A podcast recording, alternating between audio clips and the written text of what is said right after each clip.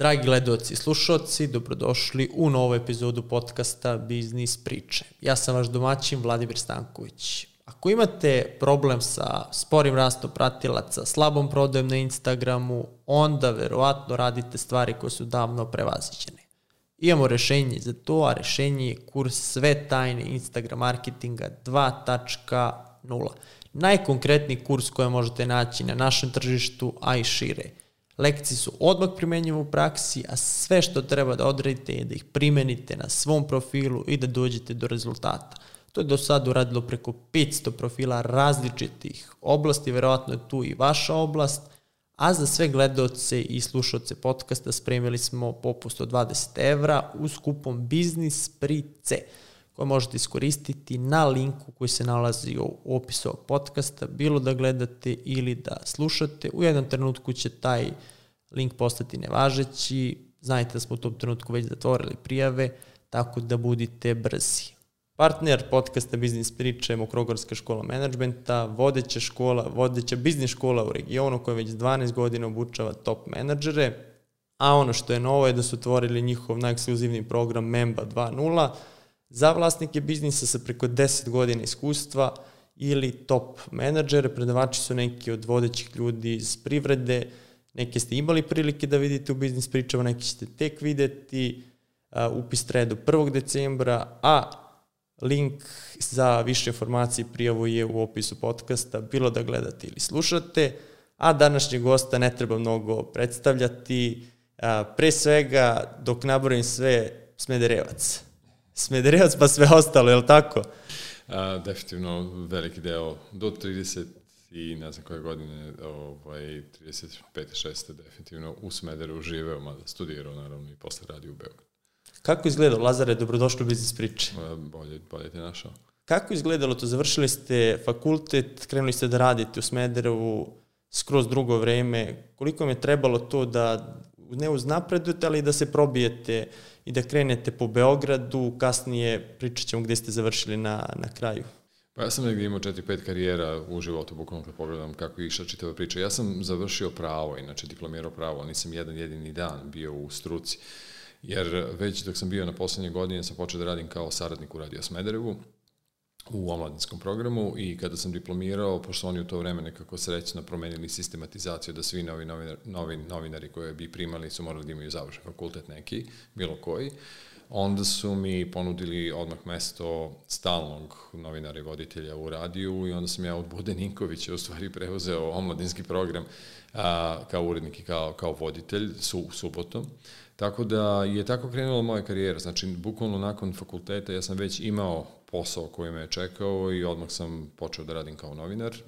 Osam godina sam bio novinar na mikrofonu kao, kao urednik, kao novinar, kao voditelj različitih emisija i a, godinu dana sam bio onda direktor Radio Smederva na, na kraju te priče. A, to je bilo vreme onih velikih tranzicija kada su se državne strukture pretvarale i or, firme, odnosno preduzeće pretvarale u privatne, uključujući medijske kuće. Koliko znam, a dosta je moja vremenska memorija onako prilično problematična, A, tada je Radio Smederevo isto i svi radi u Srbiji su počeli da se prevode u, u privatno vlasništvo.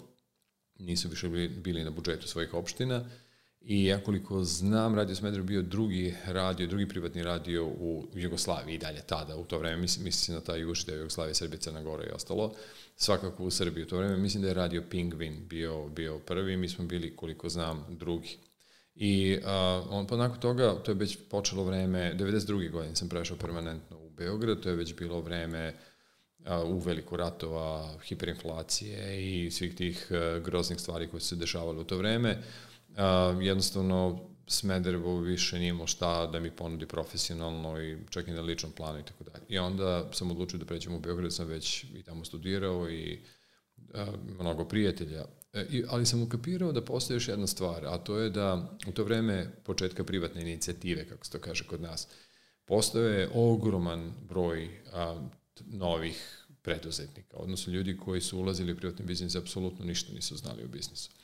I ja sam shvatio da moje radijsko iskustvo u stvari tu može da pomogne u onom marketinškom smislu, još dok sam bio u Smederevu, uh, uradio sam knjigu Marketing for a Fazoni, koja, koliko znam, opet bila prva domaća knjiga koja je specif, marketička knjiga, specifično pisana i pravljena za male biznise, za male preduzetnike. Najčešće u to vreme bilo pržionice kafe i videoklubovi su bili najčešći biznisi koji su ljudi osnivali. I ovaj, onda sam ta neka iskustva, ne da sam i sam nešto mnogo znao o tome, ali ta neka iskustva iz prakse preneo, čitajući naravno dosta, zanimalo me to, pa sam čitao strane članke i ostalo, to je, moram opet da, da, da pomenem, vreme pre interneta i internet u Americi tek postoje kod nas i to je još bila nepostojeća ili potpuno nova priča. Tako da um, sam ta iskustva preneo u tu knjigu i to je stvari bilo dosta popularno i to mi je otvorilo dosta vrata u Beogradu, jer su se tada u Beogradu pojavili prvi kursevi, poslovni kursevi, marketinški kursevi. Previše je ozbiljno to zvati škole, možda je Peđa Vujović sa svojim PR, PR školom bio najpribližniji nečemu što bi mogli da zovemo školom, ali većinom su bili kursevi. I uh, ljudi su mi jednostavno pozivali da, da predajem ti kursevima, su shvatili da imam to neko iskustvo i to neko znanje koje njima možda bude korisno. E onda je to otvorilo dosta vrata u Beogradu.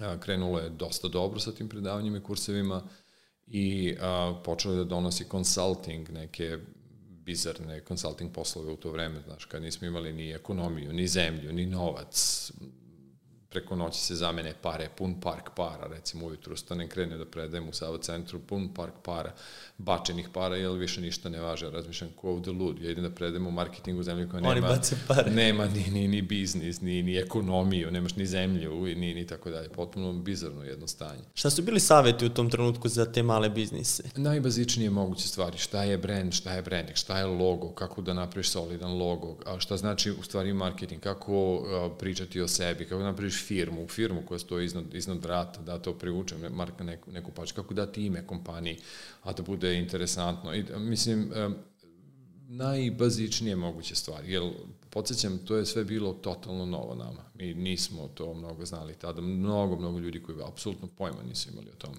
I onda njima to bilo i korisno, tako, tako su mi bar rekli, bilo im je korisno u praksi da makar malo u početku negde postave neku osnovu za makar uspešniji neki malo, malo početak. E onda je, sam to pretvorio u drugu knjigu, Public Relations for Ifazoni, kako dobiti publicitet bez plaćanja. Znači, kako se pomerimo od onoga što se danas zove paid, je tako, plaćeno oglašavanje u ono što se zove earned ili, ili shared. A to znači da zaslužiš pažnju, da na neki način stimulišeš medije pre svega i druge faktore koji mogu da ti daju vizibilnost i izloženost i uslovno rečeno publicitet, kako da tu se kreiraju stvari. I veliki deo stvari te knjige je bio ono što danas zovemo media relations, ili tako. Tako da je to bilo još korisnije mnogima i vidim po, po, po Facebooku i po LinkedInu mnogo ljudi mi se javljaju koji kažu zbog te knjige sam ja ušao u public relations, vi ste odgovorni za moju karijeru i tako dalje, što je divan osjećaj. Ste razmišljali koliko ljudi uopšte unapredilo svoj biznis, koliko ljudi je ušlo u biznis zbog vaših knjiga, zbog vaših edukacija u to vreme? Ne znam, e, ne, nemam naravno podatke, imam samo anegdotske podatke, to znači kada mi ljudi kažu da su bili na tim predavanjima ranije, da im je to značajno, da im je to pomoglo, da im je to promenilo način na koji rade. E, česta fraza je promenilo život, što je velika fraza, nisam baš siguran da je tako, ali očigledno je mnogi poguralo u nekim profesionalnim pravcima koji do tada negde njima nisu bili dostupni. Kažem, to je bilo vreme pre interneta. A ja sam sam sebi kreirao neki način učenja pre interneta i vrlo jednostavno, ne, vrlo jednostavno način sam shvatio, pošto sam ja veliki introvert i, i analan u mnogim aspektima, a, shvatio sam da američka i britanska čitaonica u to vreme dobijaju a, Campaign magazin i Advertising Age magazin svake nedelje i imaju gomilu knjiga iz marketinga, advertisinga, public relationsa, managementa, uopšte biznis knjiga, baš su imali dobru biblioteku, klasici, naravno, tih, te literature. I, ja, I sve to besplatno. Ja ukapiram da tu postoji ogromna količina znanja koju ne mogu naći nigde drugde i ja naravno postajem redovan posetilac i čitalac tih. Ste bili sami tamo, bukvalno? Uglavnom sam, bukvalno. Kao što sam sami naučio engleski, tako da na neki način to sve sam radim.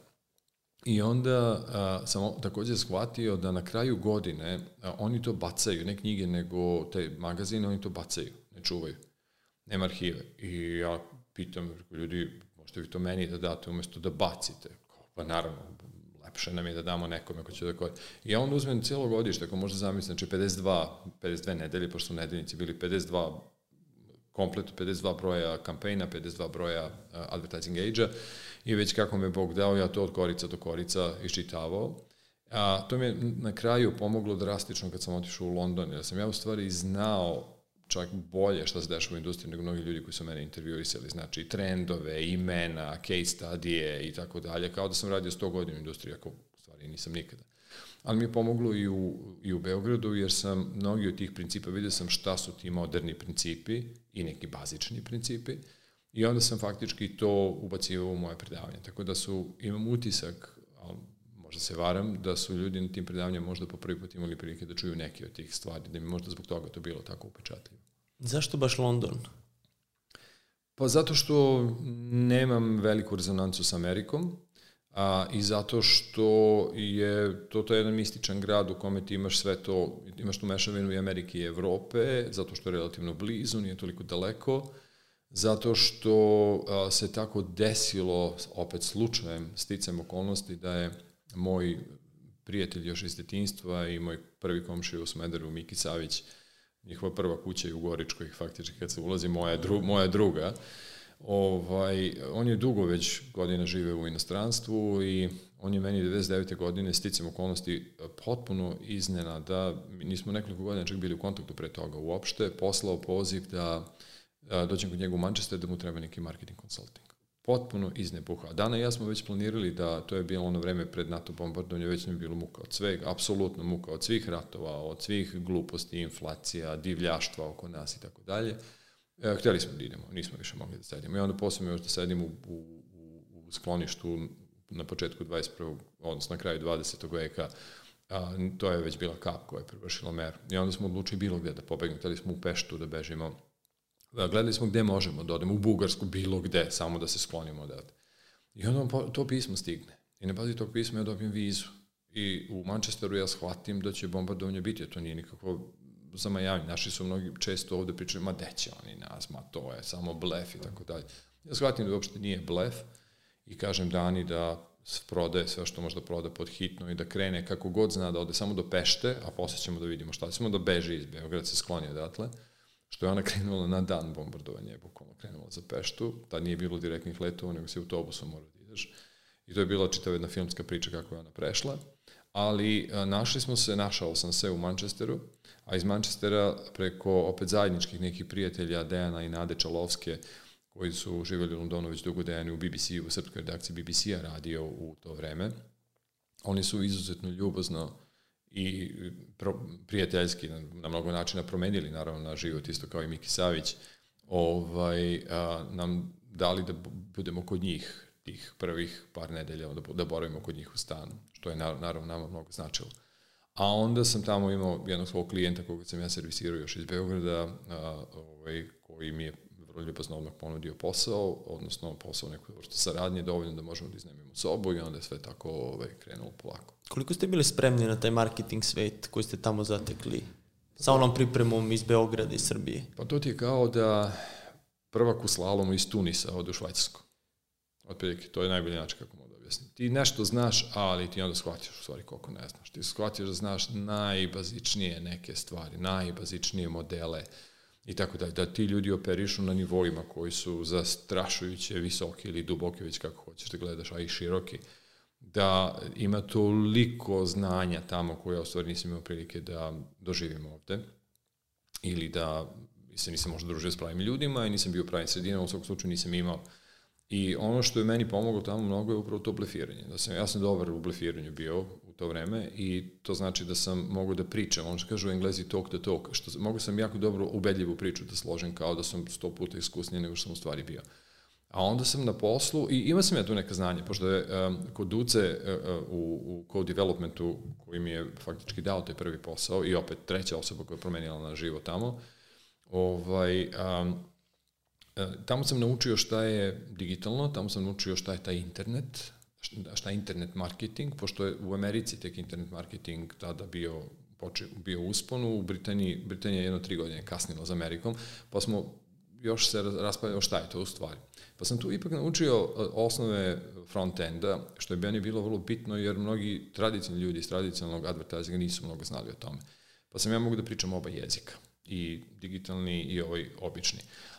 I to mi je drastično pomoglo kao prevodilac između starih struktura i novih struktura. Međutim, što se mene lično tiče, bilo je tu mnogo stvari koje ja jednostavno nisam znao i onda sam blefirao na poslu. Znači, nisam znao šta je kreativni brief u životu nisam vidio kreativni brief, pravi kreativni brief kako se radi u Londonu. Ali ste imali priču. E, ali uh, ja sam imao strateški mozak, međutim, naravno, kada je trebalo napraviti svoj brief, a ne znam kako, ja zamolim kolegu, Eriku, daj mi dva, tri briefa koje ste već odradio, odnosno koje smo već odradili kao agencija, čisto da vidim koji je kućni stil, kako mi to radimo, pošto obično, vjerojatno se radi na drugačiji način. On kaže, ma nema mi kao kućni stil, ali evo ti tri, četiri kao prethodna moja brief. I onda ja vidim koji je to formular, kako izgleda taj formular. Onda vidim šta on stavlja u svakoj od tih kutica u formularu, koja je vrsta informacija, koja je vrsta razmišljanja, šta je tu. I ja kažem, a, ok, u redu, sad mi je jasno i onda krenem ja da radim to i onda tako sam učio polako na blef, malo po malo. Ali sam učio stalno. Bilo straha, ono, da li ću ja to savladati? O, kako? Koliko ste imali tad godina kad ste pa kako ne? Pa 39, to je zanimljivo. Ja sam ušao u advertising sa 39 godina, što je ogromna anomalija. Tamo se ulazi sa 22, 3, 4 sa 39 i već imaš svoju agenciju i poznato si ime i tako dalje. Tako da sam ka, vrlo kasno ušao, ali sam ušao što je bila u stvari intuitivna odlična strategija. Danas kad bi razmišljao i strateškog Google kako bi planirano to postavio, vjerojatno bi radio isto, a to je da ne uđeš na istu teritoriju i sa istom pričom kao i svi drugi. Ja sam ušao na potpuno novu priču, to je ta digitalna strategija koja je bila potpuno nova u to vreme. Sticam okolnosti sam bio jedan od prvih digitalnih stratega u Britaniji, sticam, potpunom, potpunim sticam okolnosti. Što znači da sam ja prodavao nešto što je bilo redko, tada nešto što drugi dosta ljudi nije imalo. I pre svega to što sam ja jako dobro razumeo stari marketing, odnosno advertising takođe, staru komunika, brand komunikaciju, ali sam bio u stanju da to povežem sa novim trendovima, sa novim dešavanjima jer a, mnogi ljudi iz biznisa u to vreme nisu imali to novo iskustvo, mnogi novi su bili u tehničkoj priči, nisu, nisu znali stare priče, a ja sam bio taj prevodilac između ta dva sveta uspevao sam da, da jednim drugima prevodim šta se to u stvari radi.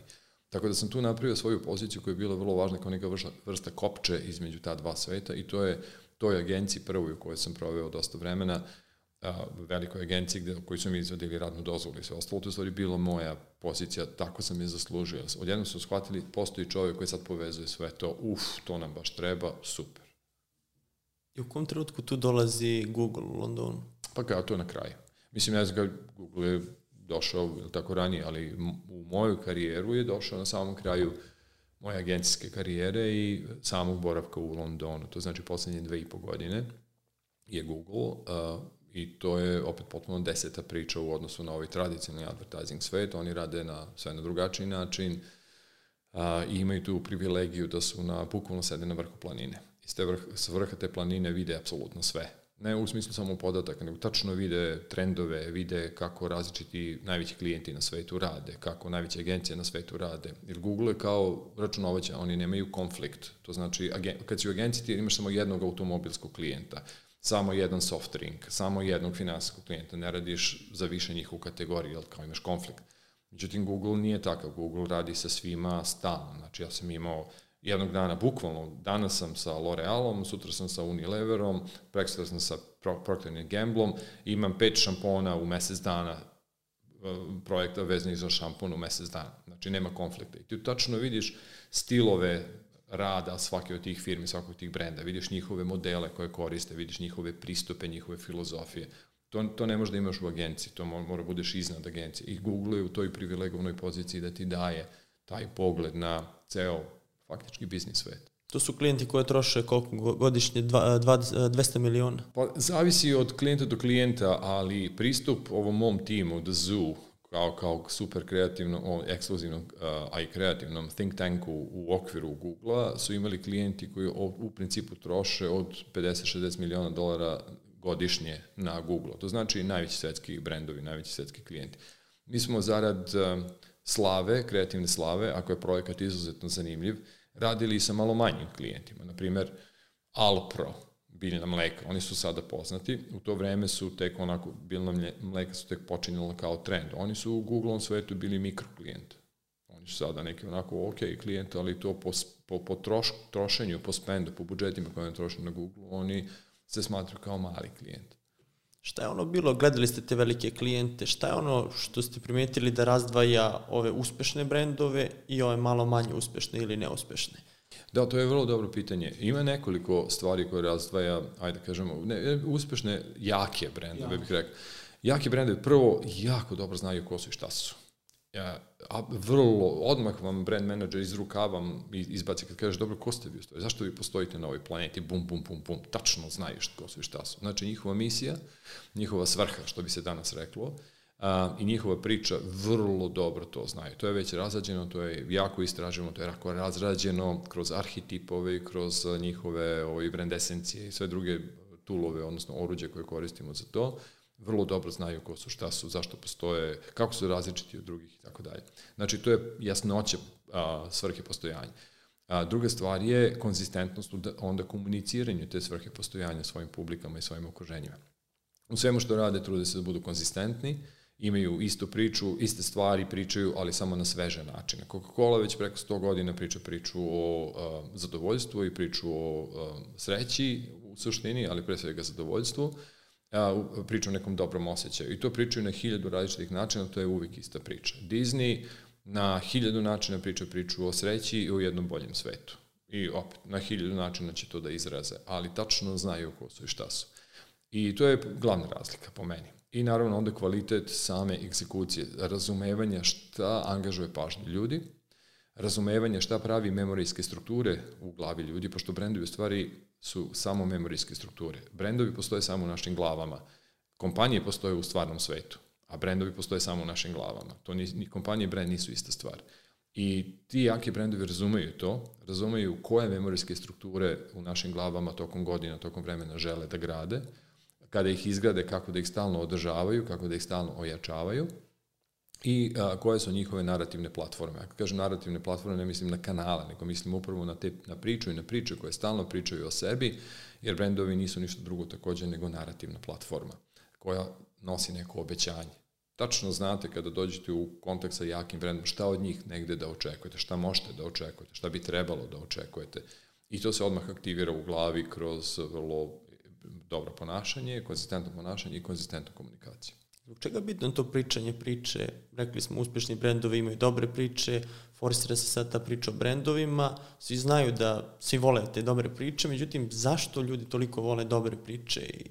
Zato što smo mi evoluirali kao vrsta, kao homo sapiens, kao, kao, kao životinska vrsta smo evoluirali na pričama i za priče. Naš mozak je jednostavno evoluirao za e, procesovanje stvarnosti kroz narative. Mi to sada znamo bez ikakve sumnje, kognitivna nauka nam je u poslednjih 30 godina to izuzetno plastično i detaljno objasnila i dalje objašnjava. A, čitav naš svet se bazira na narativima. Ako pogledamo kako mi funkcionišemo u dnevnom našem funkcionisanju, mi smo uglavnom u pričama. Ja tebi pričam šta mi se desilo tokom dana. Ja ti se žalim na razne probleme koje imam. To su drame, ali tako? To su narativi.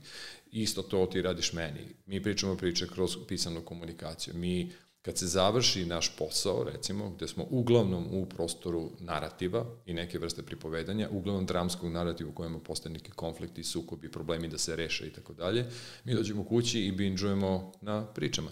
Mozak ne zna drugačije da funkcioniš nego kroz priče. Znaš, mi dobijemo inpute, impulse iz okoline, ali ti impulsi su, naša čula ubacuju u mozak mnogo više podataka nego što mozak može da procesuje. Svesno, pre svega. Tako da mozak u velikoj meri a, od tih impulsa koji dolaze, pošto ne može sve, on pravi prečice, povezuje razne ključne impulse i kaže, a ovi tri, četiri ključne impulsa, meni to kaže da je to ovo. Znači, mozak na neki način odmah pravi narativ od toga.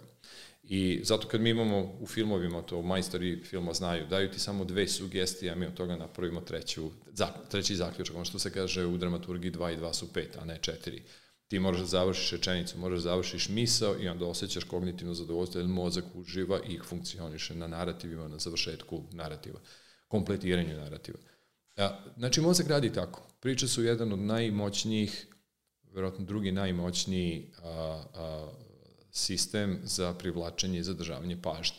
Znači, fizička prinuda, ja bih rekao, bi bila prva stvar, ali mi znamo iz gomile eksperimenta i priča da, recimo, dobra priča može da umanji bol, na primer. A ljude koji boli zub vrlo često kažu ili nešto drugo u telu, kad binđuju na Netflixu smanjim se bol. Tog trenutka pažnja je zauzeta u drugom pravcu, otešla, ne, ne misle više na bol. A to je zato što naša pažnja jeste mala, jedna C, uska C, kroz koju samo u jednom trenutku samo, samo određena količina stvari može da prođe. Uh, jedan od najtežih poslova na svetu u istoriji civilizacije je da budeš dvorska luda na starom turskom dvoru, otomanskom dvoru. Zato što je jedan od zadataka tih uh, zabavljača bio da zasmejava sultanove žene tokom porođaja. Što znači da ako uspeju da im odvrte pažnju od dobro pričom, ove faktički osjećaju manji bol tokom porođaja. Znači priča može i bol nekada da umanji ili da kompletno u određenim ekstremnim situacijama uh, zaustavi. Ali um, da duga priča na kratko pitanje, mi smo evoluirali kao vrste za priče, mi se učimo kroz priče. Ljudska, ljudska mladunčad, odnosno deca, nemaju luksuz učenja kroz iskustvo jer iskustvo u starim vremenima je smrtno iskustvo, vrlo često fatalan ishod. Pre nego što ti izložiš opasnosti, moraš jako dobro da znaš da li je nešto opasno, nije opasno, šta da radiš u tim slučajevima kada dođe do opasnosti i ostalo. Sve, se, sve smo to mi učili i dalje učimo kroz priče. Znači, naš mozak je narativna mašina. Sad, da li postoji neka struktura za dobru priču? Šta izvaje one dobre priče i one loše priče? Dobre priče su uvek bazirane na nekoj vrsti okidanja emocija. To je point. Uvek okida neku vrstu emocija. Kad kažem emocija, ne mislim samo na tuga, sentimentalnost i ostalo. Humor je vrlo, vrlo, vrlo, vrlo jaka emocija. Zamišlja kad neko kaže, vidi, stvarno nisam o tome razmišljao. To je isto emotivna, emotivna rezonanca, emotivna reakcija. Uvek postoji neka vrsta emotivne rezonance i reakcije. I mi moramo da učimo, svi sto, dobri storytelleri, pripovedači znaju kako da zovu emotivnu reakciju kod svojih a, publika. A onda se to radi kroz razne mehanizme konstruisanja i pripovedanja. Radi se pre svega kroz to ljudi vole dramu, ljudi vole razrešenje drame, ljudi vole najčešće pozitivno razrešenje drame, gde postoji neka vrsta pouke u tome, eksplicitne ili implicitne, ali pre svega drame, a, konflikta, drama, drame nema bez sukoba, taj sukob može da bude sukob interesa, može da bude sukob ličnosti, može da bude interni sukob gde se ja borim sa sobom i tako dalje. U drami uvek imaš konflikt, a jaka priča uvek u sebi ima dramu, neke vrste. I a, mi znamo da onda kad počnemo da postavljamo a, dramaturgiju u brendu, u, u, u biznisu, u advertisingu, u dramaturgiji filmskoj, uvek ti je jače kad imaš neku vrstu um, a, dramske situacije i emotivnog trigera. A, to je suština. I onda naravno tu imaš gomilu alata, oruđa, principa koji se u tome koriste. Imamo arhetipske likove, vrlo često imamo arhetipske situacije i um, arhetipske korake u razvoju priče i razne druge stvari. To je ono što Joseph Campbell i mnogi drugi u Hollywoodu nakon Campbella su, uh, Camp, Joseph Campbell je poznati američki antropolog koji ima tu čuvenu knjigu koju svi citiraju Heroj sa hiljadu lica, na bazi toga je a, ovaj, Lukas razvio Ratove zvezda, ceo Hollywood je to iskopirao kao matricu za svoje blockbustere i kad vidite isti karakteri, vrlo slični karakteri, vrlo, vrlo slične situacije se ponavljaju u većini tih blockbuster filma. Postoji neka vrsta arhitekture a, jake priče koje treba da zadrži našu pažnju. Isto to važi i u biznisu. Da mora da postoji heroj, problem, Pa neka vrsta problema koji mi rešavamo. Sad, heroj može da bude kast, uh, uh, potrošač, klijent, što je uvek dobro. A, nekad smo mi heroj koji rešava probleme klijenata, mada ta vrsta herojske zamke, kako bi Thomas Kolster, moj, moj poznanik i kolega na polju rekao, treba izbjegavati danas, posebno u vreme korone, ali um, uvek postoji neka vrsta heroja, uvek postoji neka vrsta a, izazova i uvek postoji neka vrsta razrešenja tog izazova. A, ili a, postoji jednostavno zabava. Ne mora da postoji problem razrešenje, do, do, dobri, dobre strukture, one koje najviše privlače pažnju, obično imaju tu neku strukturu, ali možda postoji zabava po sebi, a to znači postoji um, simpatičan, zabavan lik, možda postoji simpatičan, zabavna situacija. Kad pogledate naj, neke od najpopularnijih formata, sadržanih formata na, u digitalnom prostoru. To su epic fails, kako je neko nije uspeo, na e, e, epički način nije uspeo da nešto uradi. To su prankovi, razne podvale koje se radi i tako dalje. Mi jako volimo takve situacije. Da vidimo problem i onda ili duhovito duhovito nerešavanje problema, kad mi, znaš, okliznem se, popadnem na vrlo smešan način, imam smešnu situaciju u kojoj mi se nešto desi, ali je smešno, nije opasno po život, ili nekoga isprenkujemo, e, napravimo neku vrstu dramske situacije koja angažuje pažnju. To je sad posebno popularno, razvojem ovih kraćih formata. I sad, gde ide pažnja? Krenuli smo, ok, YouTube, sad dolazimo do TikToka koji je ultra mhm. kratak format Jasne. gde se gleda, gde pažnja nestaje. Mm. U kom ona ne je... nestaje, ona, ona je samo a, fragmentizovana. Mi dalje, mi dalje imate se, kad pogledate koliko traje sesija na TikToku, oni dalje traju po, znaju, traju po 45 minuta, 30, 45 minuta i više. Zavisi naravno od publike, mlađi će provesti mnogo više vremena u tom prostoru nego ovi stariji, ali čak pričam sa nekim mojim moje godište kolegama koji otkrivaju sada TikTok, profesionalno hoće da vide o čemu se tu radi. Kaže, ja čovječe kad sam ušao u to 45 minuta nisam Zarazno. vidio jedan za drugim, jedan za drugim. Znači, pažnja i dalje postoji, samo je ona jako fragmentizovana. Sada pažnju fragmentizujemo na nekoliko sekundi, desetina sekundi i tako dalje u vrlo kratke forme, dok smo ranije imali samo duže forme ili uglavnom duže forme i advertising oglase kao tu neke, neke kraće forme.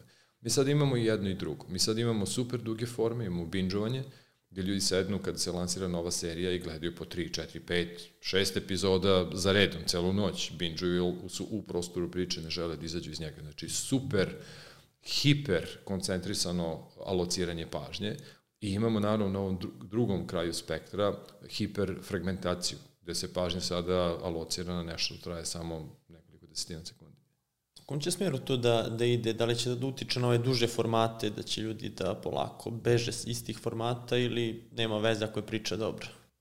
Mislim da e, živimo u ono što je čovek koji je kreirao TED tokove i koji je izmislio frazu um, informacijona arhitektura, on se zove Richard, Sa, Richard Saul Warman.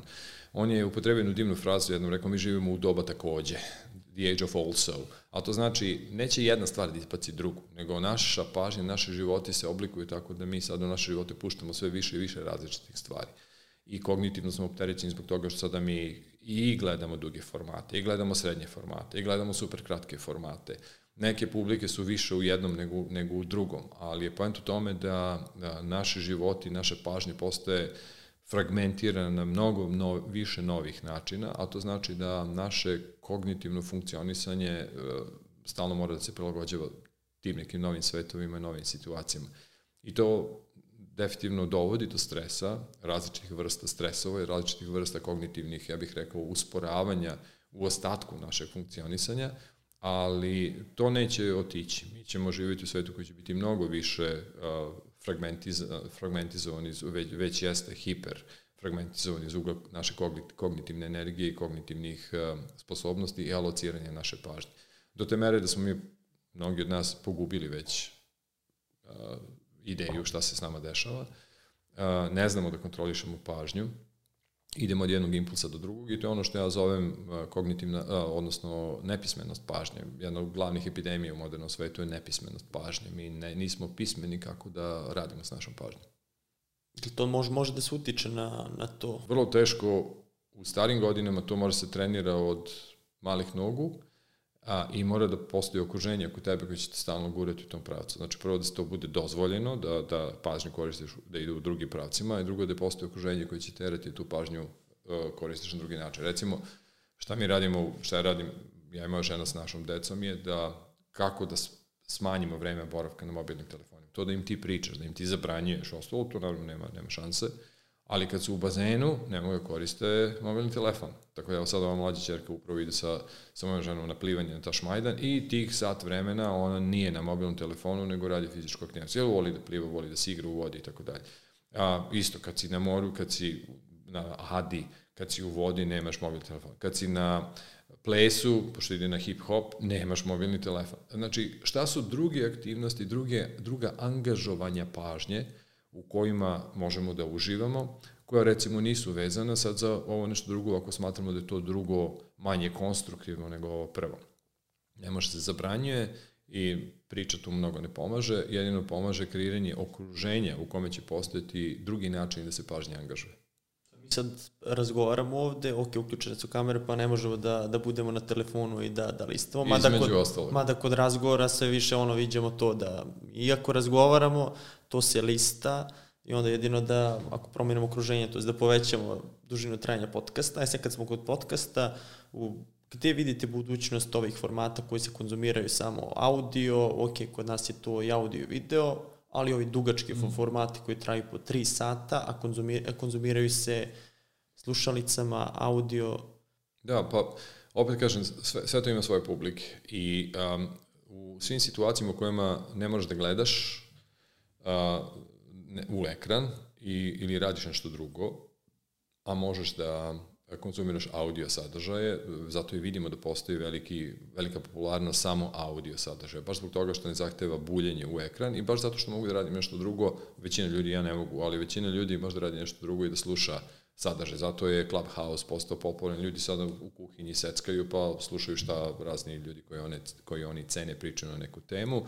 Um, zbog toga radio, da kažem, i dalje traje kao, kao, kao format, barem u svetu. Zbog toga podcasti, audio podcasti postaju izuzetno popularna stvar. A iskreno, čak i video podcasti, primetio sam da mnogo ljudi sluša video podcaste ne toliko da ih gleda, nego pusti na YouTube-u video podcast i onda ga sluša dok radi nešto drugo, ne gleda u ekran. Tako da mislim da se da je audio komponenta primarna u tome.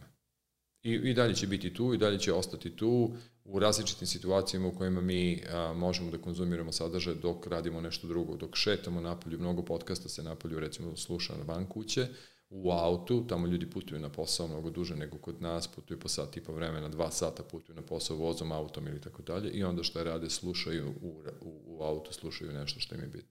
Rekli ste, spomenuli ste baš radio i radio formate, gde kod nas imamo tu malo nezgodnu situaciju što se tiče podcasta, da mi u Srbiji generalno ne znam koliko godina nazad nismo imali neke radio emisije, da neko sluša nešto osim muzike, nekih reklama, to je bio veliki defekt za, za podcaste, gde ljudi nikad nisu slušali nešto pametno, da kažem, na radiju i sad im to normalno dođe da slušaju podcast, već navikli su džingl neki, neka muzika i to je to. Ja mislim da audio komponenta je vrlo bitna i nikada neće otići. Možda ne bih rekao, nikad nije bilo na radiju ničega, da nije bilo na radiju ničega zanimljivog. E, bilo je, međutim, problem u tome što radio je pravljen kao audio, audio medij, pravljen je sa specifičnim ciljem da zadovolji potrebe najšireg broja publike. Znači, nije on mnogo bio specifičan i kad je bio specifičan, on je obično pričao sa pojedinim publikama u vrlo malim nekim segmentima uskim segmentima, relativno kratkim segmentima i tako dalje. I sad vi ako uzmete profesionalne segmente, mi nismo mnogo na radu imali emisija posvećenih stručnim temama u određenoj oblasti, tipa marketing ili bilo čega. Pričali smo o ekonomiji, možda o biznisu u najširem smislu, ali ne vrlo, vrlo specifično. Radio jednostavno kao mediji u tradicionalnom smislu, kao masovni medij, nije bio pravljen za hiperpersonalizaciju danas na webu mi to možemo da radimo. U stvari to je, podcast nije ništa drugo nego hiperpersonalizovani radio. Za mene potpuno ista stvar, potpuno ista paradigma, ista vrsta angažovanja pažnje, ista vrsta ponašanja, samo naravno možemo da pričamo taj long tail um, beskrenog broja različitih sadržaja za svakoga koga nešto zanima uh, se može naći naravno na internetu, a ne na masovnom broadcast radiju. I to je u stvari radio u problemu u odnosu na velike broad, ove podcast uh, platforme. U problemu je što on nije pravljen da zadovolji interese velikog broja specijalističkih veliki broj specijalističkih interesa. On je pravljen za najmanji zajednički sadržalac jedne, masovne publike i to mu je odmah u modernom svetu ogromno ograničenje. Sad, dolazimo do trenutka kad se iz Londona vraćate za, za Srbiju. Zašto ste tu radili i onda ćemo da dođemo do toga šta ste zatekli u Srbiji? Pa ja sam to rekao u mnogim ranijim intervjuima, postoje jedno 30 razloga zbog čega je to bilo. Oni su vezani za profesionalne, pri, privatne, uh, porodične situacije, odnosno odluke, promene u samoj Britaniji povodom referenduma za Brexit, mno, mnogi, mnogi stvari, ali pre svega je bilo privatno i porodično. Hteli smo da se odmorimo malo, ne malo, nego da se baš odmorimo, da se resetujemo, da pobegnemo iz te klopke dnevne dnevnog rada, odnosno kancelarije, a to je tamo, to, to malo se kod nas ne zna na tu temu. To je jedan mlin koji temelje, žešće temelje, zato što prvo ti putuješ sat i po svakog dana na posao, onda sat i po s posla nazad kući, vozom, Um, znači izgubiš 3 sata dnevno samo u putu, pa onda radiš 10 do 12 sati u zavisnosti od firme, neki radi po 15 sati. Pa i tako dalje. A pri tome nije ono kao se radim pa pijem kafe, pa malo čitam novine, pa malo mi nešto pričamo, nego radiš 110%, 120% tvojih kognitivnih fizičkih sposobnosti mora da bude u svakoga dana upotrebljeno u tom nekom prostoru. I onda to užasno iscrpljuje. Naravno, hteli smo da se svi malo odmorimo. Mislili smo da će naša deca mnogo bolje u recimo engleskoj školi u Beogradu, da će imati mnogo bolje uslove za dalje razvoj nego tamo, pošto se opet njihovo školstvo u velik, velikim problemima iz različitih razloga, da će imati više prostora za razvoj, za razmišljanje, da će imati više pažnje u manjim odeljenjima nego što su tamo i tako dalje i tako dalje. I da postavimo neku vrstu platforme za za narednih nekoliko godina, to znači da promenimo životni stil, da promenimo način kako zarađujemo novac i sve ostalo, da bi mogli da budemo mnogo fleksibilni i da to mesto gde živimo ne bude više toliko bitno kao što je bilo tada. Tako da sve su to različiti razlozi zašto smo došli. I moram da priznam da svi ti razlozi su se pokazali ispravnim i sve smo to uspeli da uradimo i tih pet godina boravka, sada već u julu je bilo pet godina boravka i u stvari bilo velika, velika stvar za nas i sve to što smo htjeli da uradimo smo uspeli da uradimo. Sve kad ste već e, spomenuli tu temu kako se radi po 12 sati, pričali ste a, negde kako su napravljeni sistemi da vas motivišu da vi radite što, što duže. Znači, dolazite ranije, da ostajete kasnije, bilo da imate ono doručak pre toga, ili kako to, kako izgleda, naprimjer Google, veliki sistem? Pa, prvo, Google regrutuje ljude za koje, kojima ne postoji razlika između posla i privatnog. Znači, prvo regrutuješ ljude koji to što rade, rade svakako i obožavaju da rade. Samo sad rade u Google i mogu svima se hvali s njima i plaćeni su dobro za to. Znači, prvo to je glavna stvar, ti ne regrutuješ bilo koga, nego ljude koji su totalno super u toj materiji, koji grizu, koji žive tu materiju. I onda još super platiš i daš im mogućnost da rade u Google. Tako da za njih nema razlike između posla i privatnog. To je ista stvar. Većina članova mog tima su imali, bukvalno to su rekli, nema razlike između posla i privatnog. Nema znači, granice. Ne, oni završe, recimo, završi u, u, u sedam uveče u kancelariji, krene kući, bukvalno pričam, moj član, mog, baš direktno mog tima koji sam ja menadžovao, data scientist, evo sad će postati milioner kroz jednu platformu za kompletnu disrupciju uh, tržišta nekretnina u Britaniji, a verovatno i u svetu. Napusti Google ili? Da, da. Ovaj, uh, je, recimo, on završi u 7, nekad i u 8 uveče, i onda na putu za kuću kupi take away u nekom, nekom take away kineskoj ili nešto, dođe kući, a, dok, dok dođe do kuće, dođe kući posle sat vremena, otvori laptop i krene da radi i da čita razne e-mailove koje nije stigao pročitati tokom dana. Svaki od tih, ne svaki, ali većina e-mailova ima neki izveštaj, neki video, nešto što treba da se još pogleda. I ono lepo večera i gleda to do ponoći, onda legne da spava. I onda ujutru nastavi ponovno. Znači, njegov radni dan, kad ti pogledaš u stvari da on to vreme troši dalje na, na posao, na stvari vezane sa posao, je vjerojatno nekih 14-15 sati a ja hoću da dođem kući da budem s decom, da se ispričam sa ženom, da imam neku vrstu malo porodičnog vremena. I odmah automatski vidiš kako ću ja da kasnim za njime u razumevanju dešavanja. On će znati neke case studije koje nisam stigao da pročitam. On će imati nove frameworkove koje Google napravio koje nisam stigao da pogledam i tako dalje. Znači, nema razlike između života i posla. To je jedna ista stvar. I Google i mnoge druge firme funkcionišu na taj način. A ove druge koje nemaju tu vrstu indoktrinacije, tu vrstu priče, oni jednostavno golom silom, tako što se šefovi mršte kad odeš pre šefa kući, a tako što se narativ pravi interni u firmi kroz korporativnu kulturu da a, a, dug rad i ja, izgaranje na poslu je super stvar i takva kultura jednostavno se razvije u toj nekoj sredini i onda ljudi ili moraju da se ponašaju tako, zato što sve drugi oko njih ponašaju tako, ili ako pate, ako ne žele to da rade, a, a moraju zbog ne znam, neke financijske sigurnosti i tako dalje, onda dosta pate i onda čovjek vidi svašta, znaš, vidiš kako ljudi pucaju na razne načine u takvim situacijama. Vi niste hteli to, došli ste u Srbiju. Apsolutno ne. I šta ste zatekli kad ste došli u Srbiju?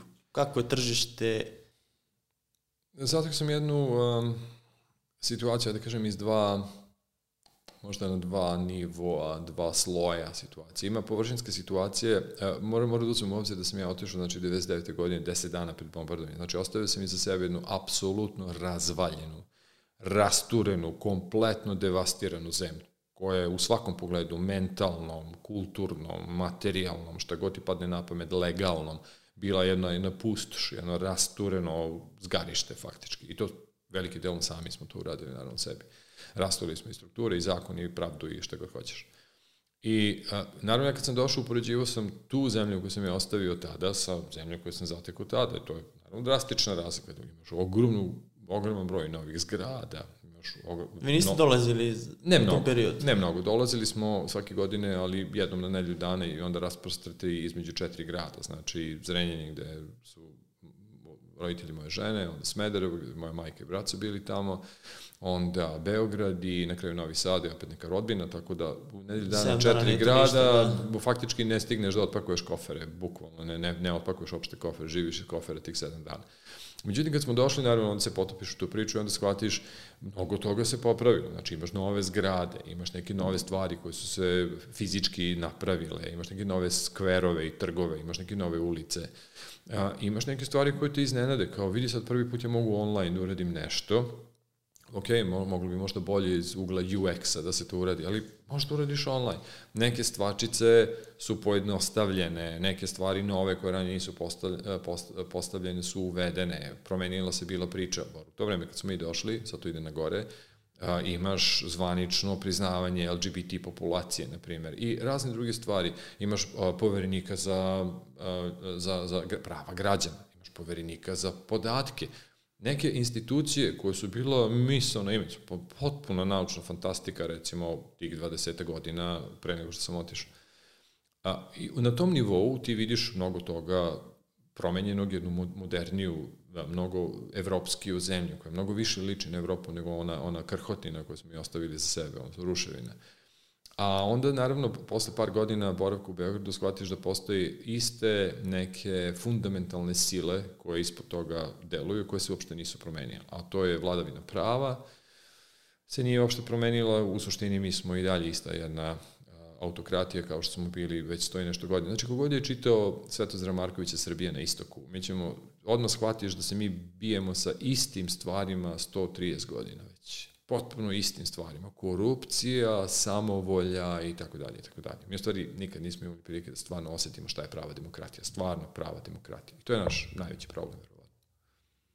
I sad dolazite, šta je bio prvi angažman? Videli ste te stvari? Pa nije bilo nikakvog angažmana, u smislu, ja sam zaista sebi uzeo vremena da se malo odmorim, kao prvo. Nisam jurio posao, niti bilo kakve angažmane, samo mi je prijelo da se malo odmorim. Um, Međutim, moram da priznam, platforma koja jeste olakšala to na neki način je bila pozicija na Fakultetu za medije i komunikacije ovde u Beogradu, jer sam ja već iz Londona počeo da predajem na katedri za digitalni marketing, Skype-om, u početku bili smo ispred svog vremena, naravno pre korone već smo radili online. Spremni. Upravo tako. Tako da je, već je znači to postojalo kao neka vrsta angažmana i to je bila jako lepa i dalje jeste lepa platforma gde ja volim da, volim da predajem, volim da radim posebno sa mlađim ljudima, malo da, da, da pričamo o životu, ne samo o struci. I a, to je već postojalo i to je, to je krenulo kao neka regularna priča. A onda postepeno, polako, ja sam imao ideju o tom nekom sistemu treninga za digitalnu transformaciju marketinških funkcija u firmama, znači ne kompletne firme, nego specifično iz ugla marketinških funkcija, to one su mnogo šire nego se kod nas, šta se po time podrazumeva. Mi pod marketingom ovde podrazumevamo oglašavanje, reklame, a svi ljudi struke znaju da to nije to. Marketing je mnogo šira priča i ima veze, ono što se danas zove design thinking u velikoj meri, u stvari marketing samo pod drugim nazivom. Empatija je u stvari ništa drugo nego uh, insight, uvid koji se koristi decenijama već u tome, ali dobro, novi klinci imaju novi jezik, ali principi i metodi su potpuno isti ili vrlo stari. Tako da sam polako krenuo uh, da tu, taj sistem treninga, polako da ljudima jednostavno dajem do znanja da to to radim i da to postoji. Neki su odmah bili zainteresni, polako smo krenuli da radimo na tu temu. Interesantno, Slovenci su bili među prvima, Triglav osiguranje bilo među prvima s kojima sam to počeo da radim. I malo po malo je to krenulo da se širi, valjda od usta do usta, je polako krenulo da se, da se glas o tome širi i onda polako su novi klijenti se pojavljivali za, za tu vrstu priče. Znači ja ne radim consulting, isključivo radim trening. E sad šta je vaš utisak bio kad ste ušli u te firme, znači došli ste iz Londona, radili ste sa tim klijentima mm. i došli ste ovde. Jeste imali neko očekivanja pre toga kad ste došli, kako funkcionišu te firme? Pa, na kom su nivou, gde su? Nisam imao očekivanja, u principu nisam imao očekivanja, nisam znao, htio sam samo da probam. Pa vidi, vidi, nije fair porediti, zaista nije fair porediti. Prvo, mi nemamo tržište koje je slično napolju. Znači, oni su imali 250 godina neprekinutog intelektualnog rasta. Znači nisu imali građanske ratove, nisu imali komunizam i tako dalje i tako dalje. 250 godina jednog uh, surovog, ili ajde da kažem, ako možda ne surovog, sad je pošto surovo, ali koncentrisanog kapitalizma. To znači da tamo, ako nisi dobar na tržištu, ako ne znaš kako da preživiš na tržištu bez zaštite, nema ono, imam svog čoveka u vladi, imam nekoga ko će da mi sredi ovo, on, nema toga. Nego, ili znaš kako da preživiš na tržištu sa 30 konkurenta koji rade manje više isto što i ti. Nemaš neku tehnološku prednost i tako da. Isto radiš koji svi drugi. E onda tvoja marketinška i poslovna pamet je jedino što može da te spase. I onda kad ti shvatiš u takvom jednom nemilosrdnom, prilično darvinističkom sistemu preživljavanja firmi, odnosno konsultanta, šta god da prodaješ tamo, ti ćeš imati ogromnu konkurenciju. I veliki izazov da te pokažeš zašto ti bolje ili drugačije drugi, zašto on tebi treba da pare nekom drugom. I naravno za 250 godina te prakse oni su morali da tu praksu žešće ispeku dobro. Nije čudo da većina tih modela dolazi iz anglosaksonskog sveta, ali tako? marketing kao moderna disciplina je kreiran u Americi 60. godine, gotovo svi modeli koje mi koristimo u praksi dolaze iz tih zemalja, baš zbog toga, što nema ništa drugo da te štiti sem tvoje pameti, permanentnog razvoja, permanentnog naučnog analiziranja šta bi ovde moglo da bude još bolje da bih otišao u nekom boljem pravcu, da bi stekao neku bolju poziciju na tržištu i tako dalje i tako dalje. Mi to nema ili nismo bar imali dugo, dugo vremena i naravno to se odražavalo na interne prakse, na naše internet treninge, na načine kako definišemo pozicije, na načine kako merimo rezultate naših delovanja i mnogo šta drugo. Tako da kažem, nije, nije fair porediti. Su bili spremni na te vaše uvide, na te drugačije jesu, stvari? Jesu e, i svim klijentima sa kojima sam radio moram da odam veliko priznanje da je želja za učenje bila ogromna i dalje postoji. Znači, zaista postoji uh, autentična želja da se to, da se vidi, da se nauči. Posebno firme koje recimo već na neki način su jednom nogom u Evropi ili planiraju da idu u Evropu. Shvataju da se tamo drugačije igra igra, da moraju da potpuno razmišljaju na drugačiji način, da se organizuju na drugačiji način interno, da jednostavno nije ista, isti, isti način kako se igra igra kao i ovde. I a, ta želja postoji, postoji razlika naravno između klijenta koliko njih je to u praksi uradilo ili nije, neki su brži, neki su sporiji, ali da postoji želja da se sazna kako to izgleda na takvim tržištima, to da. Kad ste došli, dosta ste dali zajednici, krenuli ste i po okupljanjima, krenuli ste i da držite predavanja, da ljudi upoznaju ta, ta vaša iskustva koja ste, ste imali tada. Šta bi bilo najdrže u tom trenutku kad ste došli, kad su ljudi krenuli da, da zovu, kad ste krenuli da delite ta znanja? Pa upravo ovo što si ti rekao, to je prepoznavanje da je to nekome bitno Naravno, da je to nekome bitno, da je da je to nekom otvorilo neka nova vrata, neke nove načine razmišljanja i tako dalje. To je, to je naj, meni naj, najlepša stvar u čitavoj toj priči. Da jednostavno vidiš da nešto pravi razliku, da nešto doprinosi toj našoj nekoj konverzaciji napretka, u, makar u ovoj nekoj maloj poslovnoj oblasti. Gde vidite budućnost marketinga u Srbiji generalno? U kom će smeru ići? On će ići u istom smeru kome idu svetska dešavanja ili dešavanja kod nas, naravno zavisi ako krene opet velike neke komplikacije različitih vrsta koje smo već imali, market će postati manje značan, jedan tako preživljavanje će biti mnogo bitnije, posebno što naše tržište ima razna politička i druga iskrivljavanja, nije to baš konkurentno tržište na isti način kao napolju a ni zakonski ni tako dalje. Međutim, e, e, ako sve ostane relativno normalno, ići će u istom pravcu ili u sličnim pravcima u kojima ide svetski marketing. To znači, ovi tamo postavljaju trendove, mi te trendove pratimo na mnoge načine i mi te trendove nekada interpretiramo kako to kako to može da funkcioniše kod nas. Znači, nekad kopiraš direktno, a nekada prilagođavaš principa, ga samo prilagodiš našim kulturnim a, poslovnim, tehnološkim i drugim ograničenjima koje imamo ovde, odnosno specifičnostima, izvinjam se, koje imamo ovde. Tako da i dalje će ići u tom pravcu. Šta god je popularno na polju, to će deo publike da prihvati ovde, pošto živimo u tom globalnom selu, ali tako, gde se vidi šta se radi na polju svakoga dana, I onda će jedan deo populacije krenuti to da radi, ta populacija su potrošači određenih proizvoda ili usluga, svi koji toj populaciji prodaju te proizvode i usluge će morati da ih prate gde su oni, kao što sad moramo da pratimo decu na TikToku, odnosno mlade na TikTok, jer su tamo, a mi uvek pecamo tamo gde su ribe, tako? I onda ideš gde su ribe i onda pokušavaš da naučiš gramatiku te platforme, jezik te platforme i principe te platforme da bi bio relevantan tim publikama na tim platformama. I to će se nastaviti. To obrazac koji uvek funkcioniše, pojavila se nova platforma TikTok i oni motivišu ljude koji stvaraju te sadržaj, ok, imate besplatan rič, ne morate ništa da plaćate, vaši klipovi će doći do 100.000 pregleda, dok na Instagramu i na drugim mrežama koje su se već ustalile morate da plaćate za sve to i onda da dođu do neke publike i da krenu putem Instagrama, ajmo polako smanjujemo, da mora da se plaća. Sve zavisi od publike. Sve zavisi od publike s kojom pričamo. Znači, ja i dalje imamo klijente, ja klijente za trening, ali ima firmi koje jednostavno ne pričaju sa mladim generacijama, nemaju potrebe da pričaju, prodaju svoje proizvode usluge neke potpuno druge generacije. Verovatno neće biti na TikToku, nego će biti u nekim tradicionalnim kanalima, uključujući naravno televiziju, billboarde i standardne analogne uh, kanale takođe. Um, sve zavisi od publike kojom pričamo, koja je naša publika i koji deo te publike pravi koji deo našeg prihoda. Znači, ako shvatimo da 30% našeg prihoda dolazi iz publike koja provodi mnogo vremena na YouTube-u, moramo i mi da budemo tamo. To je jedan princip. A drugi princip je kad si tamo, kako ćeš da privučeš njihovu pažnju. Znači, ovo što ti kažeš, TikTok možda ima organski rič koji je veliki, dok na Instagramu i na Facebooku ti možeš da platiš za bilo, bilo kakav rič, posebno ako si brand ili tako. Samo 1 do 2% je organski rič, koliko znam po podacima na Facebooku, na primjer, za brendove.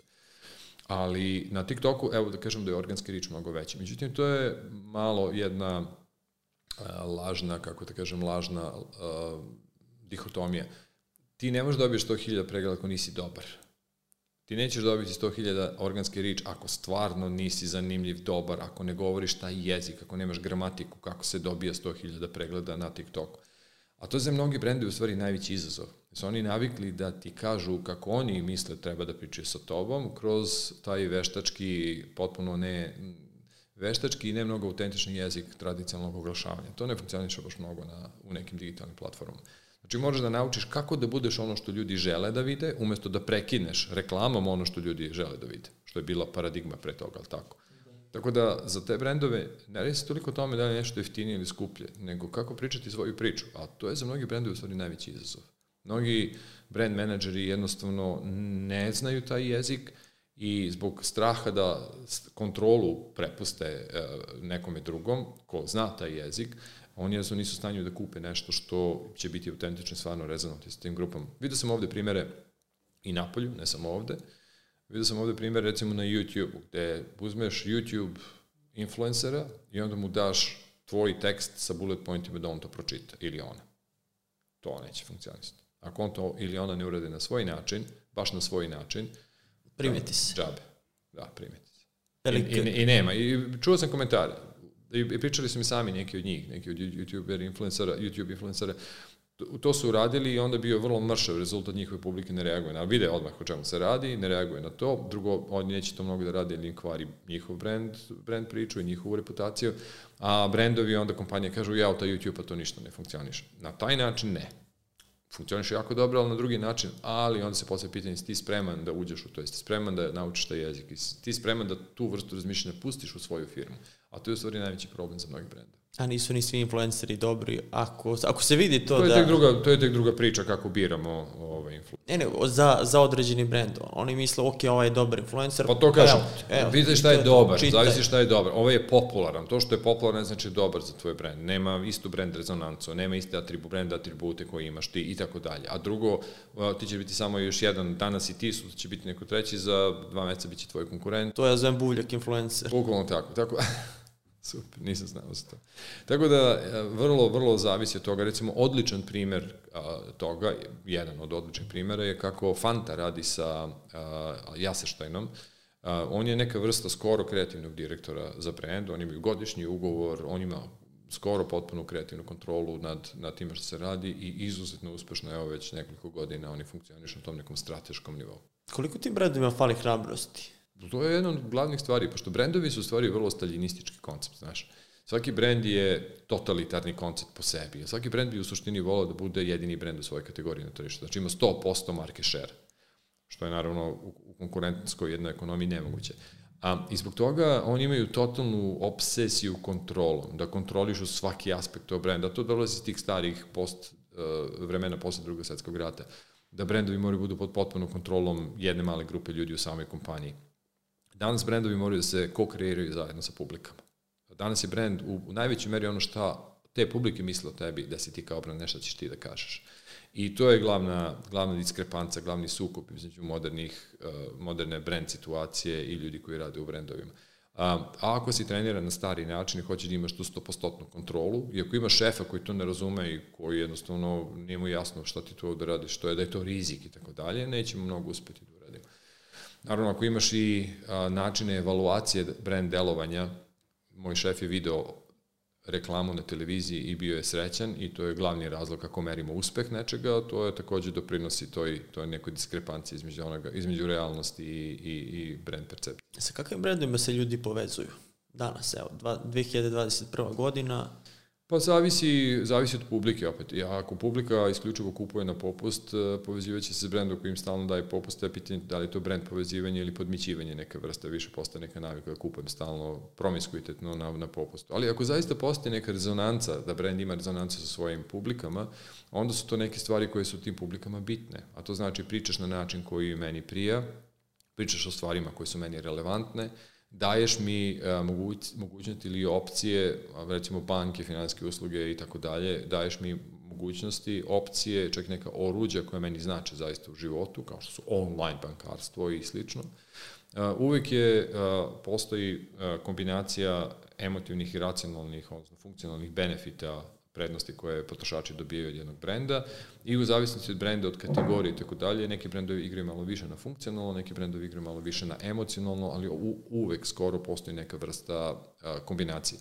Za mnoge, a, za mnoge FMCG brendova, kako je zove, ono što se kupuje u supermarketu, na primer, tu je ta neka a, kombinacija funkcionalnog i emotivnog a, vrlo očigledna, ali često u nekim od tih kategorija emocionalna komponenta u stvari preovladava. Ako uzmeš piva, lagere, ne bilo koju vrstu piva, nego ono što zovemo lager piva. Oni su takozvani dizajn, odnosno image proizvod, jer e, niko sa povezom preko očiju, ako ne pije iz brendiranih flaša, ne zna koja je koja piva. Te, ti blind testovi, to postoje svud u svetu, stalno radi, isto je za vina, isto je za, za viske, za mnoge druge proizvode. Ti u stvari ne znaš šta piješ. Ti bukvalno ne znaš koje pivo piješ. Ti misliš da je Stella, u stvari nije Stella, nego je, ovo, nego je ne znam, Jelen ili nešto. Nema, nema šanse da prepoznaš razliku. Znači, statistički niko ne može da prepozna razliku. Tih studija imaš kogod hoćeš na zapadu. Na zapadu. Kod nas ne znam da li se radi, nisam video, ali na, na zapadu ih imaš koliko hoćeš. I jedina razlika koja se pravi u našim glavama u toj situaciji je etiketa, odnosno flaša, odnosno etiketa, odnosno komunikacija koju mi gradimo oko tog proizvoda. I onda na bazi toga ti gradiš te memorijske strukture koje ti kažu ovo je malo više za mene, a on kao nije malo više za mene. Coca-Cola, Pepsi, na primjer, isto.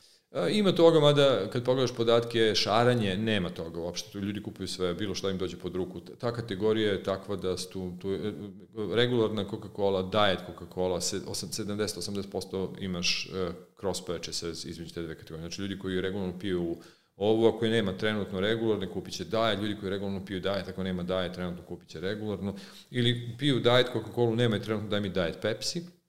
Znači, nema tu mnogo neke velike pri, velike, velike pripadnosti ovaj brendu, više se radi o nekim drugim, da kažem, artefaktima. Ali a, dobri, jaki brendovi prave memorijske strukture koji čine brend više prisutnim u glavi, to je ono što profesor Byron Sharp, Sharp naziva a, mentalna prisutnost ili mentalna dostupnost, a, više su dostupni u našoj glavi, lakše se prizivaju u našoj glavi. I drugo, za mnogi proizvode kreiraju utisak da kupovina tog brenda će biti manje rizična a, na bazi onoga što ja želim od tog proizvoda, od tog brenda da dobijem.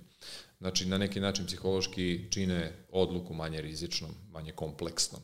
Tako da su brendovi, jaki brendovi su jako dobre prečice do te mentalne odluke i do kupovine. Te pribar za neki hrabar, jak brend. Ajde, više hrabar nego, nego jak. Ne mora da bude neki ustaljeni brend. Obično ide, jedno to ide jedno s drugim. Evo imaš Patagoniju, na primer, ako gledamo Smo baš navodili u jednom. Garderobu, aha, okej. Okay. Eto, pa, rečemo, Odličan primjer, ona da. se citira, citira dosta, Im, imaš tih, svake kategorije imaš po nekog takvog. Ona se citira dosta, zato što imaš brend čija je misija, čija je svrha i čija je filozofija da budu uh, odgovoran brend, um, ekološki na bilo koji, socijalno takođe, ne samo ekološki, nego socijalno odgovoran brend.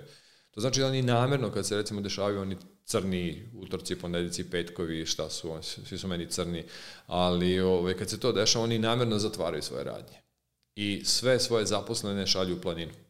Znači, nema, ne pravimo nikakve akcije, nikakve rasprodaje, zatvorene su, ne možeš da kupiš Patagoniju kad, se te, kad se ti dani dešavaju, svi zaposleni dobijaju slobodan dan da idu u planini i vrlo često idu zajedno, grupno u planinu, da provedu vreme u planinu.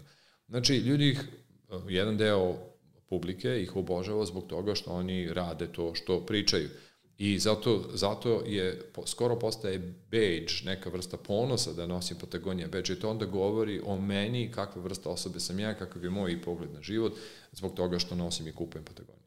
Ali ima kod nas takvih brendova? Pa ne znam, ja ne pratim mnogo situaciju kod nas, zaista, ne pratim je dubinski, a, tako da ne znam, nisam potopljen u naše tržište, verovatno ih ima, a, iznenadio bih se da ih nema, ali ne mogu da iz glave prizovem odmah.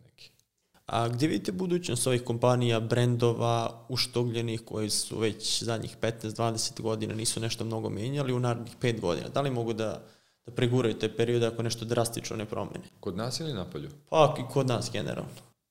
Ne bih uh, prognozirao kod nas, zato što mi nismo normalno tržište. Ajmo onda napolju. Na mi, da, samo da kažem, e, kod nas ti možda preživiš sa najgorim customer servisom, sa lošim proizvodima, bez inovacije, Nije tako zato što imaš nešto drugo što te štiti.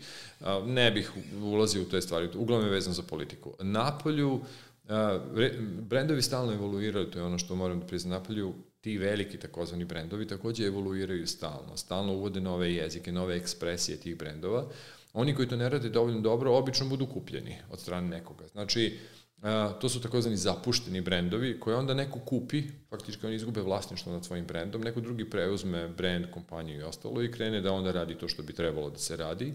Uh, ponekad brendovi nestanu, nekada, ali sad sam se recimo i Procter Gamble i Unilever su pre jedno deseta godina imali veliku, veliko, oni to zovu veliko spremanje svog brand portfolija, oni su imali po, po, po hiljadu i nešto brendova u svojim portfolijima i onda su oni po 500-600 brendova od, izbacili iz portfolija zato što jednostavno nisu bili dovoljno dobri performeri, ali nisu oni njih zatvorili, nego su ih sve prodali. Znači, stavili su na licitaciju brand i kaže, evo ti brand 60 godina postoji, ima brand Goodwill, ali mi nećemo da uložimo u njega jer mislimo da nije dovoljno održan, to nam je velika muka, mi smo sve to prodali. E onda dođu, čak agencije neke su kupovali te brendove. Recimo, sećam se, MNC Sači i dalje pravi kao agencija grupa agencija pravi pare tako što imaju svoju specijalnu firmu koja kupuje brendove koji su zapušteni, a onda oni, pošto su majstori brendirani, ali tako, uzmu pa ožive taj brend i odjednom taj brend počne da funkcioniše mnogo bolje, a onda ga oni posle pet godina prodaju sa mnogo većim market share-om, sa mnogo većom valuacijom i na tome zarade do, dobre pare.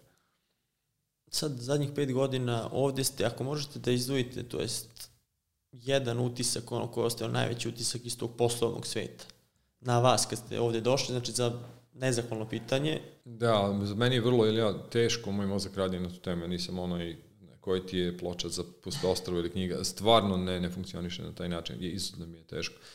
Um, ne znam, mislim, meni je opšti utisak a, a, kompleksnosti, a, ne kompleksnosti, to i tamo je kompleksno, nego neka vrsta muke, a, muke i balansiranja između države i tržišta. Mislim da je to, a, mnogo ti je lakše da radiš biznis paradoksalno na zapadnom tržištu iz ugla administracije svega ostalog, jako je mnogo više regulisano nego kod nas.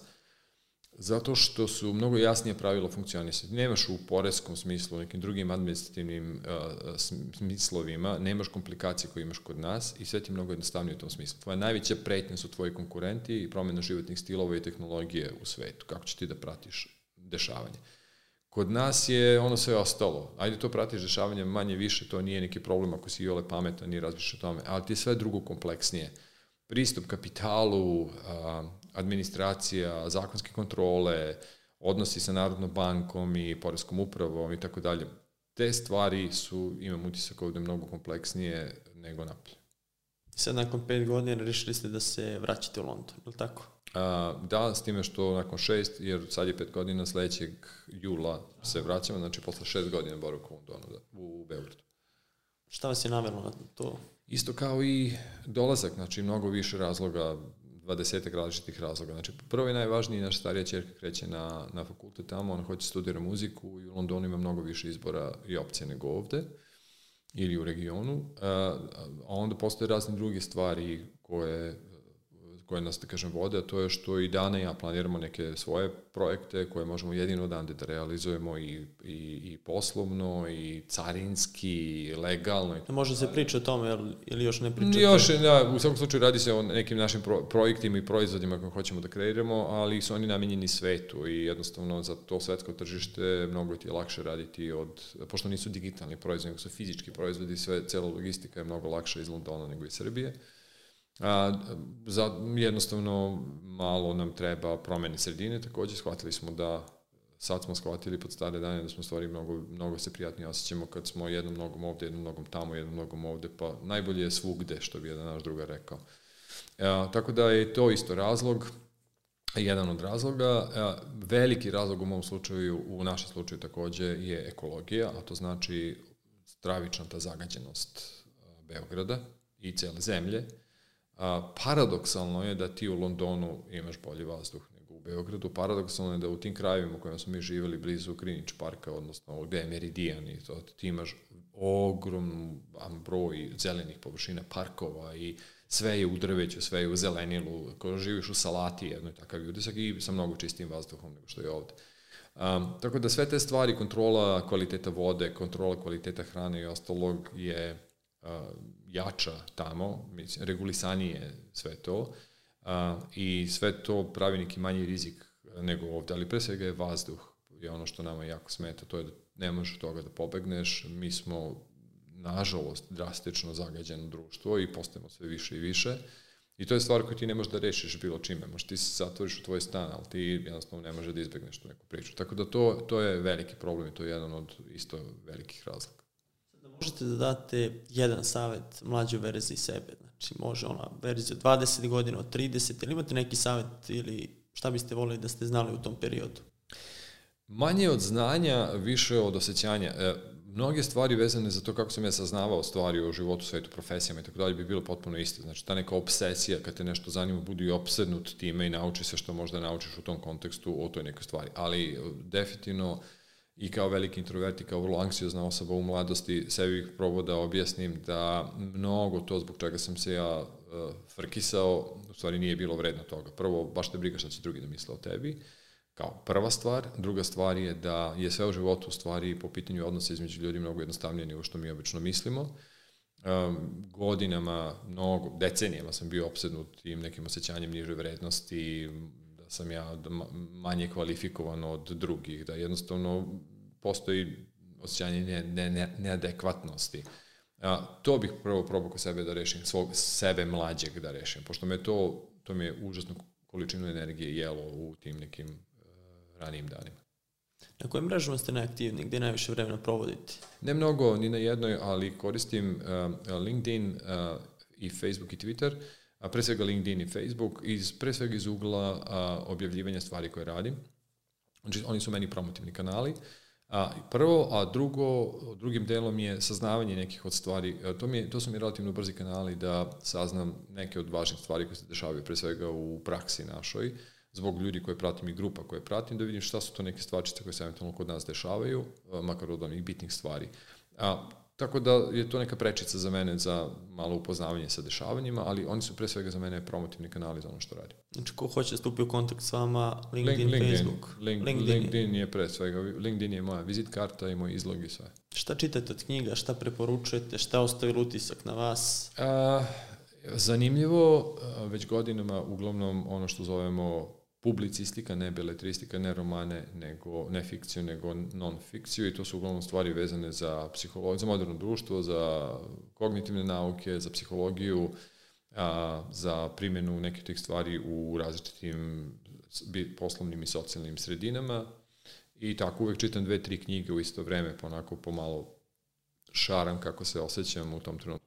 Imate neku preporuku za naše gledalce, slušalce, Naravno, ima, dosta, ima nekoliko knjiga koje nisu prevedene, nažalost, kod nas i sve nešto čekam kad će neko da ih prevede, ali imamo, imamo odličnu produkciju. Znači, knjige se mogu naći sada razne, vrlo dobre. Um, jedna knjiga koja jeste jedna od Biblija koju svima preporučujem i nažalost nije, može se naći na internetu, ali nije, koliko znam, nije prevedena kod nas. Zove se Zabavljajući se do smrti profesora Nila Postmana, koji u stvari govori o tome kako je televizija nas i uvela u ovaj način razmišljanja, da smo se pogubili, da više ne znamo ni za koga glasamo, ni zašto glasamo za nekoga a da je digitalni prostor to u stvari pojačao više struko. To je jedna vrlo, vrlo važna knjiga za razumevanje modernog sveta. A druga je naravno Kahnemanova Misliti brzo i sporo, koja će vrlo lepo objasniti kako naš um radi i zbog čega mi vrlo često pravimo pogrešne odluke, koje se ne prave na bazi racionalnog razmišljanja i evidencija, nego na bazi tih heuristika, takozvanih naših mentalnih prečica koje se dešavaju van našeg svesnog funkcionisanja. I to su uvek neke meni bazične knjige koje svima preporučujem jer menjaju ljudima živote. Za one koji su introvertni, A, knjiga koju uvijek preporučujem je Susan Kane, a, Tihi ljudi je prevedena kod nas, odnosno Quiet, a, koja je mene objasnila sebi i bilo mi jasno nakon toga šta se sa mnom dešava i zbog čega se sve to dešava. A, tako da, to su neke onako bazične knjige. Što se tiče posla i, i struke, previše je toga, mislim, dohvatim tako po nešto, ali valjda zbog sada moje profesionalne karijere, zbog uh, toga što sam imao izuzetnu privilegiju da radim s nekim najboljih ljudi u biznisu, najpametnijih ljudi u biznisu i zbog Google-a, dosta toga mi je već viđeno, moram da pricam, izvinjam se ako zvuči arogantno, ali ima mnogo toga što je samo drugačije pakovanje nečega što smo već znali, malo drugačije spakovano i otprilike to je to. A, više nisam u fazonu da kupujem nove koncepte. Zanimaju me fundamentalne sile koje voze nešto u biznisu, u društvu ili tako dalje. Kako je to sad spakovano površinski da bi se dobio novi proizvod za prodaju, ta stvar me više mnogo ne interesuje. Znači, neko ima novi framework, ok, ajmo da vidimo. Pa to stvari isto ono od ranije, samo malo drugačije da. spakovan. Nije mi to više mnogo zanimljivo. E sad, da, da neko mora da pročita, to jest da može da pročita jednu vašu knjigu, koja bi to bila za upoznavanje sa vašim radom, sa opusom, znači jedna knjiga za ulaz. Ako neko hoće da me razume kao osobu, onda je to ova poslednja putevi oko znakova. To je najličnija moja knjiga. U smislu da je to bukvalno skoro neka vrsta autobiografije, bih rekao, ali neka vrsta me, mentalne autobiografije. To je knjiga koja će pokazati ljudima kako razmišljam i otprilike koji su moji stavi prema životu, moja filozofija, koja vrsta osobe sam ja. Ako ih zanima upoređivanje uh, sveta i Srbije, onda je Čajo šljiva svakako, koje je upoređivanje Londona i, i Balkana u različitim načinima funkcionisanja i ta sekcija u ovoj poslednjoj knjizi isto postoji sekcija sa 15 novih tekstova u istoj seriji koja se bavi istim temama.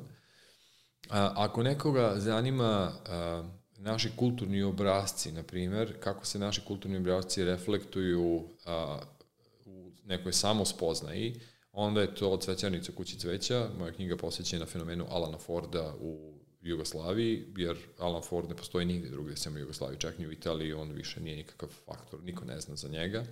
Uvijek mi je bila prva stvar kad sam radio, kad sam imao pristup italijanima u bilo kom poslovnom ili privatnom settingu, prva stvar koju ih pitam je da li su čuli, da li su čitali Alan Ford. Po, po tim mojim anegdotama, 15 tih situacija, samo neko 35-40 pa na gore čuli su, niko nije čitao, a ispod 35 niko nije ni čuo za Alan Ford. Znači, Alan Ford ni u Italiji više ne živi kao što živi kod nas u svakodnevnom životu. I onda, naravno, to je bila jedna od, jedna od razloga zašto sam napisao tu knjigu, zašto je on samo naš i ničiji više. A, a ukoliko nekoga zanima kako sam bio pre 20 i nešto godina to i šta se dešavalo da u vreme Miloševića, u to vreme iz koga smo mnogi od nas pobegli na polju, a, ali kroz prizmu medija i marketinga, onda je to ta knjiga Advertising Page, to je u stvari naziv kolumne koje sam ja tada imao u, u našoj borbi, koja je bila jedini, koliko znam, nezavisni dnevnik u to vreme. I sad za kraj, sve ove znači, naslove koje smo sad pobrali, možete da skinete linke u opisu profila, da ne morate da zapisujete. Sad za kraj, da li postoje nešto što vas nisam pitao, da želite da podelite sa publikom, neka poruka, vaših i na to sam, na tu temu sam slab dosta. Ne, uvek kažem, nemam ništa. Spisati me sve relevantne stvari. Stvarno nemam ništa da dodam tome. Jedino da a, mi smo jako opterećeni danas šta sredina nam sve kaže. Mi smo nekako, kako pravimo parametre šta je ispravno, šta nije. To je najteži izbor koji u životu imamo, ali tako? Uvek nam je najveća konfuzija šta je ispravno, šta nije, u kom pravcu Da li slušamo ovoga, da li slušamo onoga. I nema lakog odgovora na to. Znači, prvo da prepoznamo da nema lakog odgovora na to. A drugo da je odgovor postaje lakši što više analiziramo određenu stvari iz više uglova, što više čujemo različitih mišljenja o nečemu. A onda nije dovoljno samo čuti različita mišljenja pa odeš zbunje, nego može sedneš i da kaže sad na bazi svega što sam čuo, e, na bazi svega onoga što znam, šta mislim da je logičnija ili ispravnija stvar u kom pravcu da se ide kome malo više da verujem. A, ta vrsta zbunjenosti je sada svojstvena svima u svetu, samo da znamo da nismo mi jedini, ali a, jedini način da se do toga dođe je permanentno preispitivanje i sebe i permanentno preispitivanje a, sveta oko nas i to se ne dešava tako što nećemo znati šta se dešava, nećemo razumeti naše dešavanje, nego moramo vrlo duboko se upotopimo u to šta je u stvari ljudska priroda i kako ona funkcioniše. A za sve one koji grade karijere, najkorisnija stvar koju sam ja sebi uradio u životu i koju mogu da kažem bilo kome je a, shvatite na koji način sebi stojite na putu. Vi sa, sami sebi stojite na putu i kako da se sami sebe sklonite sa puta. Jer to je ono što sam ja u svojoj karijeri morao nekoliko puta da uradim, ali pre svega mora da budeš svestan toga. Da vrlo često nis, nisu drugi krivi, nego do tebe je, a ne do drugih. Ta vrsta razumevanja, ta vrsta samospoznaje, znači vrlo stara, je tako, staro-grčka priča, spoznaj samoga sebe, u stvari jeste jedna od najvećih tajni uh, ličnog, a boga mi i kolektivnog razvoja. Za ovu poruku zaslužili ste aplauz. Lazare, hvala što ste bili gost Biznis priča. Hvala tebi na pozivu. Drago mi je bilo posebno neko iz Smedreva da, da dođe. Nije bilo mnogo ljudi, bar ja kad sam došao na, na fakultet, slušamo ko je, ko je iz Smedreva, nije bilo mnogo ljudi i onda mi je bilo fascinantno, evo ga čovjek iz Smedreva, to je to. Tako da, nadam se da će da. se promeniti to. Pa vidjet ćemo, vidjet ćemo šta se dešava u svakom slučaju, a i to je jedna od stvari nekako lepo to, fino je postati neka stara, ali tako topla priča koja nam, u nama ostaje od nekih bazičnih nivoa funkcionisanja, ali i to je još jedna od stvari gde moram da kažem nije mi više toliko bitno, jer ti upoznaš u Londonu ljude koji dolaze nekih najzabačenijih indijskih sela, neko ko do 35. godine nije imao vodu u kući, imao je poljski klozet van kuće i tako dalje. A onda je došao u London i napravio sebi fantastičnu karijeru, ime, reputaciju i ostalo. Onda shvatio u stvari mi smo u luksuzu živeli ovde u poređenju s nekim tim ljudima. To što se dolazi s Medara nije toliko bitno, da ima raznih drugih ljudi koji dolaze iz mnogo egzotičnijih mesta i ostalo. I da je sve, sva priča se u stvari svodi na to ko si ti, šta si, zašto se zalažeš i kako radiš sa drugim ljudima u čitavu. Kako si ti koristan nekome oko sebe. I tu već počinju da se dešavaju neke dobre stvari. Još bolje poruka za kraj. Hvala još jednom. Vidimo se u narednoj epizodi.